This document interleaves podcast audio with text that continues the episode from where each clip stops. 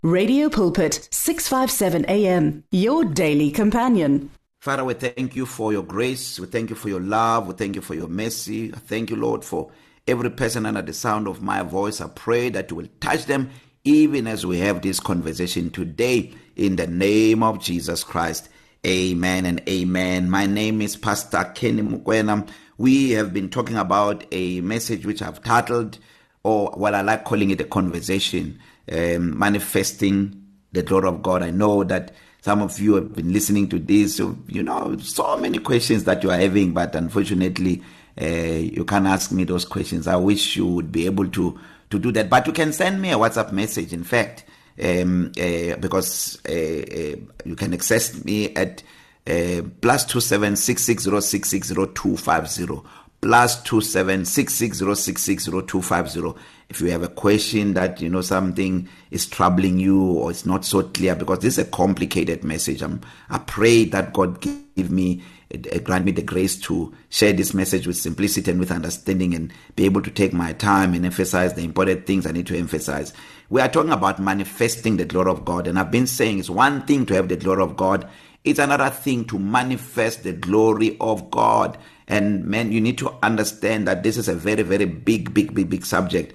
Very, very, very big subject. And what I've been trying to communicate since we started is that to manifest glory, one had to pass through death. And we see God giving us a pattern in the text that we use. We're using Romans 8, verse 30, uh, to establish the four stages that leads to glorification. And I can tell you now, that's the pattern that God has put in the scriptures that Jesus Christ has to go through, that every person that God has ever used in the scriptures to manifest glory, they had to all go through those four stages. No one else eh, has ever manifested the glory of God without going. And I'm not talking here about glimpses of his presence and I've been emphasizing that we're not talking about miracles here it includes miracles but miracles is just a facet because Jesus is not only manifested in miracles Jesus is manifested in obedience the perfect manifestation of Christ is in obedience because Christ is obedience himself. In fact, what I've been trying to communicate with this message is that when we talk about manifesting the glory of God,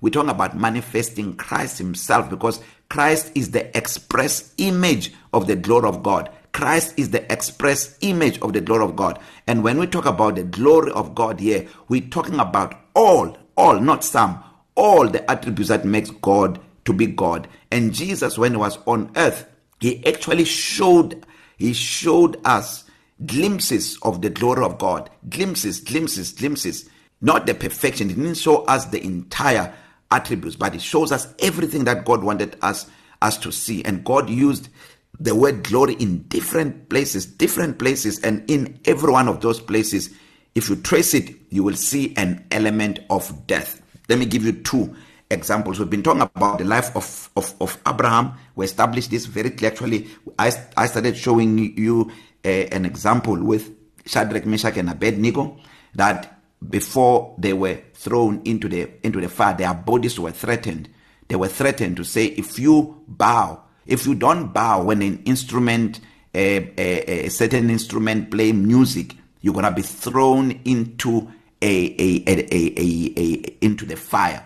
Now, uh, these guys, the three Hebrew boys, had to decide. And you see number three there, which is a picture of, of, of the three days and three nights that Jesus was on the on the grave. They had to decide whether to protect themselves, protect their bodies, protect their reputation, to find the physical life and ignore the supernatural life or they had to die because for them to say to King Nebuchadnezzar we will not bow down to you o king because our God will deliver us but even if he does not deliver us we will still not bow it takes a yield a fully yielded vessel it takes that is a picture of death to a point where remember also remember the, the manifestation of glory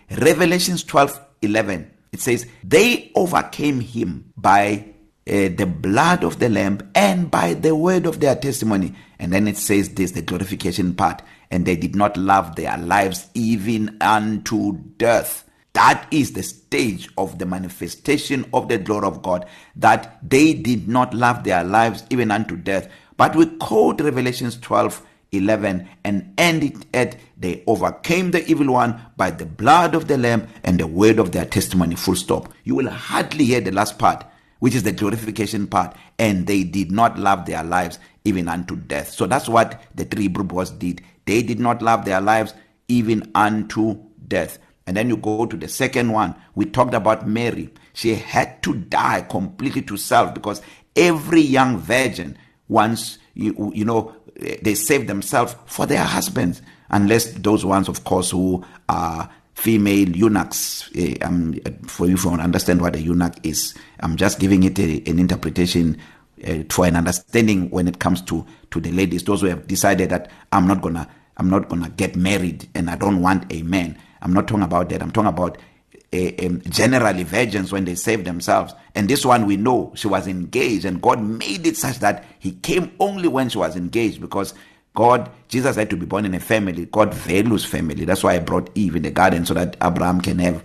a a a a a a, a child. Adam can have children. God values even the, the the mandate of man. It was multiplication. So God values family. There's a lot of reasons why Jesus had to be born in a family, but that's not the message for today. So she was already engaged. So she had to decide whether to compromise her engagement fully and not get married and bear the consequences of that she was willing to do that she would have been accused of cheating because she would not go around and say hey, i'm carrying the messiah she could not do that she, nobody would understand everyone would have laughed and ridiculed her so there were too much implications for for mary but she died to self she said let it be done to me according to your word that was dying to self to manifest glory because glory is Christ that is why the four hebrew boys when they died to themselves and they were thrown into the fire who manifested the fourth man and it's the four stages in Romans 8 chapter in Romans 8 chapter 30 we see those four stages and it's also the four stages which Jesus Christ had to go through when he manifested on the third day the manifestation that resurrection was the glorification which is the fourth stage we move to the to the next one we look at the life of Abraham Abraham also had to experience exactly the same thing. We see the, the, the stages that we're talking about in Romans chapter 8. God calling him. He knew him beforehand. He called him out of, of, of, of Haran and how from the house of his father a type of salvation And then in Genesis 15, the Bible says, And Abraham believed God and was accounted to him for righteousness. So Abraham is declared righteous, but God is not done because righteousness does not complete the salvation process. And, and I'm not saying by this, if you are righteous and you did not go to glorification, not go to heaven. I'm talking about the diff- different message here. Here I'm talking about manifesting God.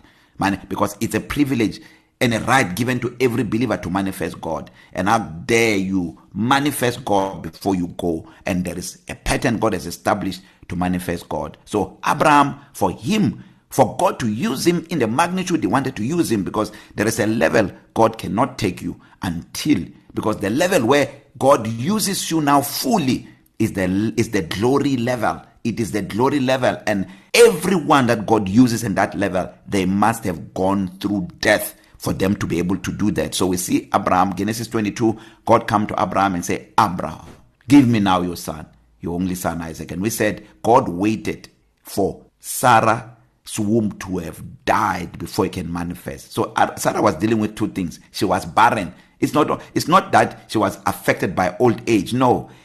The, God shut the womb and, and waited for that womb to die before it can conceive Isaac because Isaac is the son of promise. That is why I actually did a study. I talk about this in in my book uh, uh, Unveiling Jesus in the Tithe.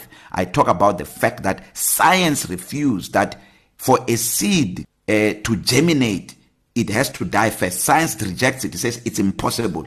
If that seed will die, it cannot germinate. But we are you know life does not come from science. Science is trying to understand life. You must you must you must know that. Jesus says unless a corn of wheat falls into the ground and dies it can never be glorified because the rising of Christ is the glorification of Christ and you see this in 1 Corinthians chapter 15 when it talks about the glory of the seed you know it's sown in weakness it rises up in power you know and and and and and all those sown in dishonor rising up in honor all those things so now uh, God calls for Abraham he says give me now your son your son that you conceived in very difficult circumstances like this thing that you worked so hard and compromised everything to get it and you finally get it like a virgin that saved herself can you imagine a virgin that saved herself how many times and she must have been a beautiful uh, young girl how many times did she refuse to yield to the flesh and then up to when she sacrificed so much she didn't enjoy what other girls her level were enjoying and then she finally get engaged and she's proud of herself that I'm going to be engaged and I'm a virgin and now God says you're going to be pregnant she had to die for her to say let it be done to me she had to die so everywhere you're going to see death now let me give you other examples just to establish a pattern just to establish a pattern look at the first miracle of Jesus at the wedding in Cana they ran out of wine uh, uh, the mother of Jesus come to him and say they have no wine Jesus says it is not my business my time is not even yet she goes to the men there who were the servants there and she says to them whatever i tells you to do do it at that wedding trust me everyone knew everyone knew that there was no wine in fact i believe the, the bible doesn't say this the people that jesus went to these were the guys who were responsible somehow they were the servants around the serving of wine something like that because Jesus says to them fill the water pots with water they fill the water pots it says draw some now and take it to the master of the feast the, the master of the feast is troubled at this moment he wants wine he's not looking for water he's looking for wine now these servants had to decide had to compromise their reputation to take that wine to Jesus they had to go beyond their logic because for you to ex to experience glory you must go beyond logic totally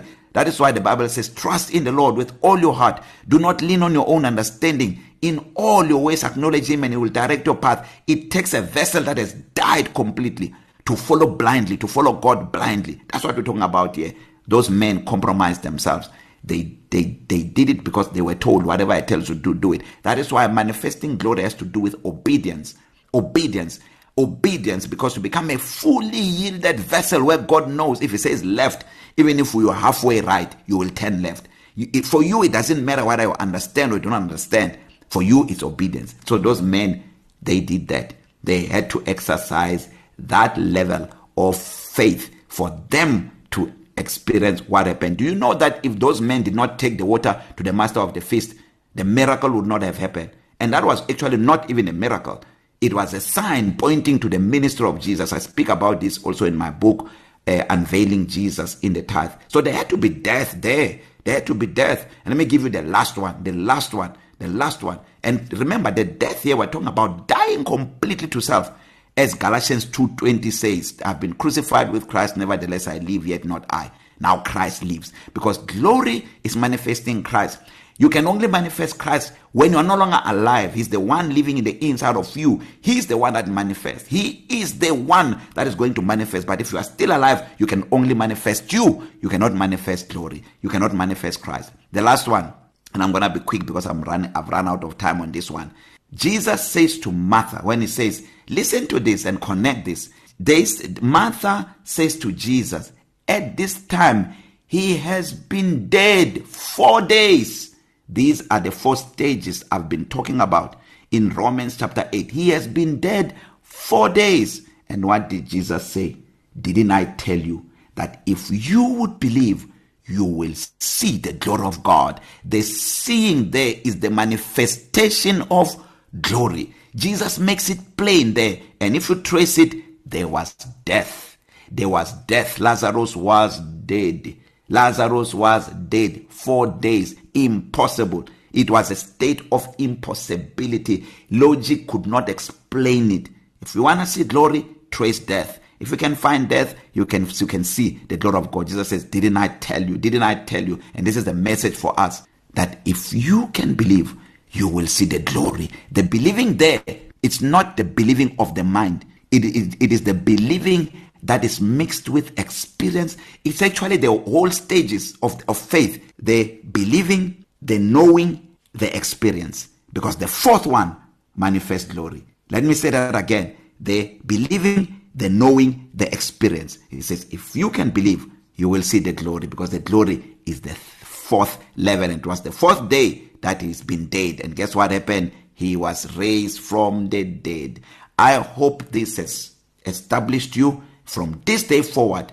Be willing and be obedient, and you shall see the good of the land. That good of the land is the glory manifestation. Thank you so much. Let me pray for you if you're not born again, have not made Jesus the Lord of your life. Just make this prayer with me. Say, Lord Jesus, I receive you now as my Lord and my Savior. Amen and amen. If you made that prayer, you are born again. You are my brother, you are my sister. I will see you in heaven. God bless you. Love you so much. Till we meet again next time. The words of the Lord are words of life. Your heart is on 657 AM. 657 AM. Radio for believers in action.